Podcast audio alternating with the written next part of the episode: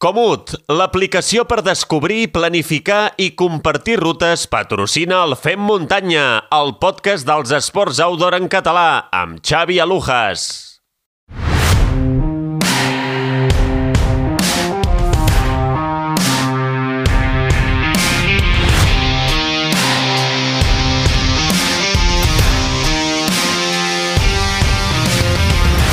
Després de molts dies tornem a la consulta del nostre coach esportiu de capçalera, ja ho sabeu, ell és el Guillem Marchal, que és llicenciat en Ciències de l'Activitat Física i l'Esport i Master Coach per la International School of Coaching. Molt bones, Guillem! Molt bon any, Xavi i família muntanyera. Quants dies sense escoltar-nos? Eh, què, com t'han pagat les vacances? Vacances? Això què és? Saps allò que diuen que els nens venen amb un pa sota el braç? Sí, home, i tant. Doncs és mentida. Els nens venen amb tots els virus coneguts i per conèixer i la meva filla va decidir que les vacances són per estar a casa i amb febre. I així estic encara, que les bambes se m'han florit. ja està bé que així pares una mica de tant en tant. Eh, escolta, mm, avui mm, pot ser que la píndola tingui l'arrel a la conversa que hem tingut fa una estoneta amb el Just Sociats? L'arrel i, i tota la planta, diria jo. Uh, M'ha semblat una conversa magnífica amb un esportista brutal i, i força desconegut a nivell mediàtic, tot s'ha de dir, i amb un discurs molt afí amb el que penso jo. De fet, algun dia me l'he trobat baixant de la mola i veig que xerra igual que baixa, sense fre i sense por. La veritat és que era una conversa que, que em venia molt de gust des de feia molt de temps i, i l'he gaudit molt, eh? I m'agradaria saber què és el que t'ha semblat, quina és... Eh, o sigui, amb quina paraula et quedaries? Quina és la paraula que destacaries, Guillem? Lleialtat, així de clar. M'ha semblat una persona lleial als que han estat al seu costat en tot moment, lleial a la seva família, posant-la per davant dels seus reptes esportius, lleial a la muntanya i a tot el que significa i, sobretot, lleial als valors més elevats de l'esport en general i de l'esport de muntanya en particular. Ostres, Guillem, que bo! No, no m'ho havia mirat des d'aquest punt de vista i tens tota la, tota la raó. I llavors la teva píndola va de lleialtat? En realitat no. va de què i com ensenyem les futures generacions d'esportistes i de quins objectius hem de plantejar perquè siguin lleials a l'esport i no als resultats. Així que et sembla incorrecte que des de ben joves els nens i nenes tinguin com a objectiu guanyar? Més que incorrecte, em sembla inútil. Eh, em sembla que no serveix per res més que per generar frustracions que no saben gestionar i per provocar l'abandonament prematur o precoç de la pràctica esportiva i la caiguda en conductes de risc.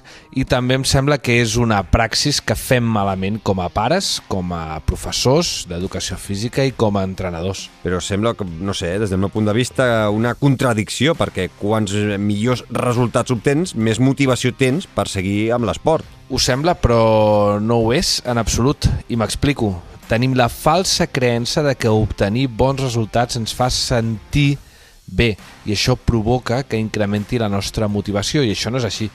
Primer ens sentim bé, això ens fa sentir motivats per seguir i fruit d'això obtenim bons resultats.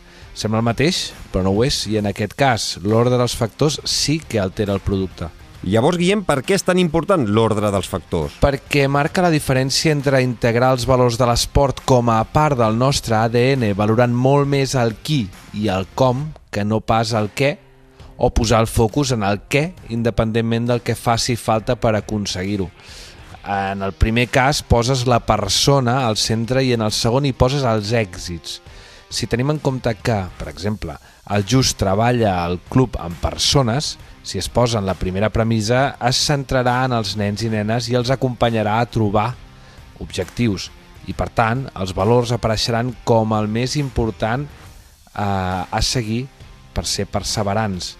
Si el just es basés en la segona premissa, li seria absolutament indiferent quins nens i nenes formen part del club, mentre les vitrines anessin tenint més i més títols provocant el fenomen de les joguines trencades. Aquest concepte l'he escoltat algunes vegades, eh? però defineix què és el concepte aquest de joguines trencades. Si torneu a escoltar la conversa amb el Just, hi ha un moment que parla de com hi ha nens i nenes que apunten bones maneres i que després, per diferents motius, passen a l'edat adulta i sent irrellevants.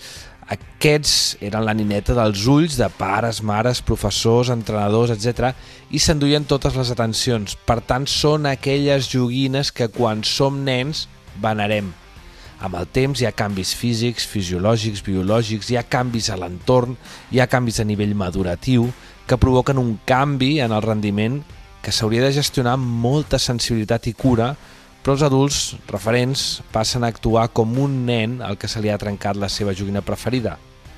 No posa interès en reparar-la per fer-la inclús millor, sinó que canvia la seva mirada cap a una altra joguina que li aporti el mateix que l'altra. Us imagineu com s'ha de sentir aquella joguina? Us podeu fer una mínima idea de com es deuen sentir els nens i nenes que deixen de rebre les atencions dels seus referents? Sí, sí. Evidentment eh, abandonats, frustrats, ferits, ultratjats, menys tinguts, tristos... I, I, evidentment, tot això, i a més a més, d'enfadats, rancorosos i rebels.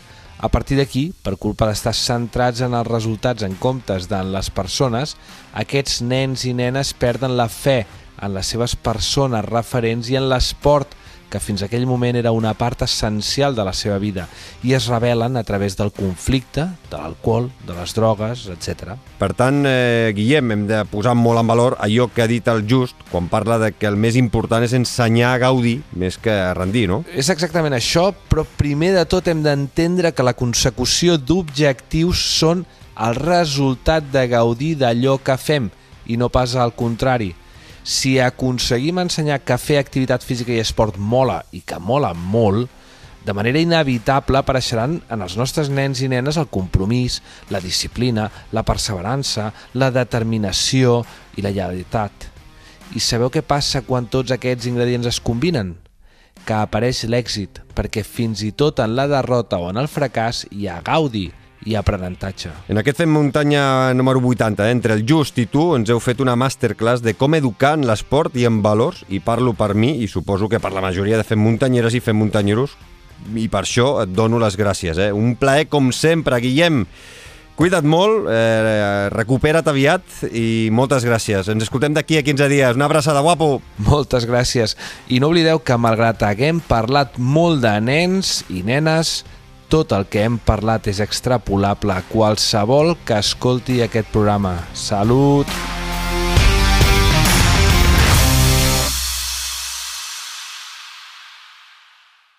Comut, l'aplicació per descobrir, planificar i compartir rutes t'ha ofert el Fem Muntanya.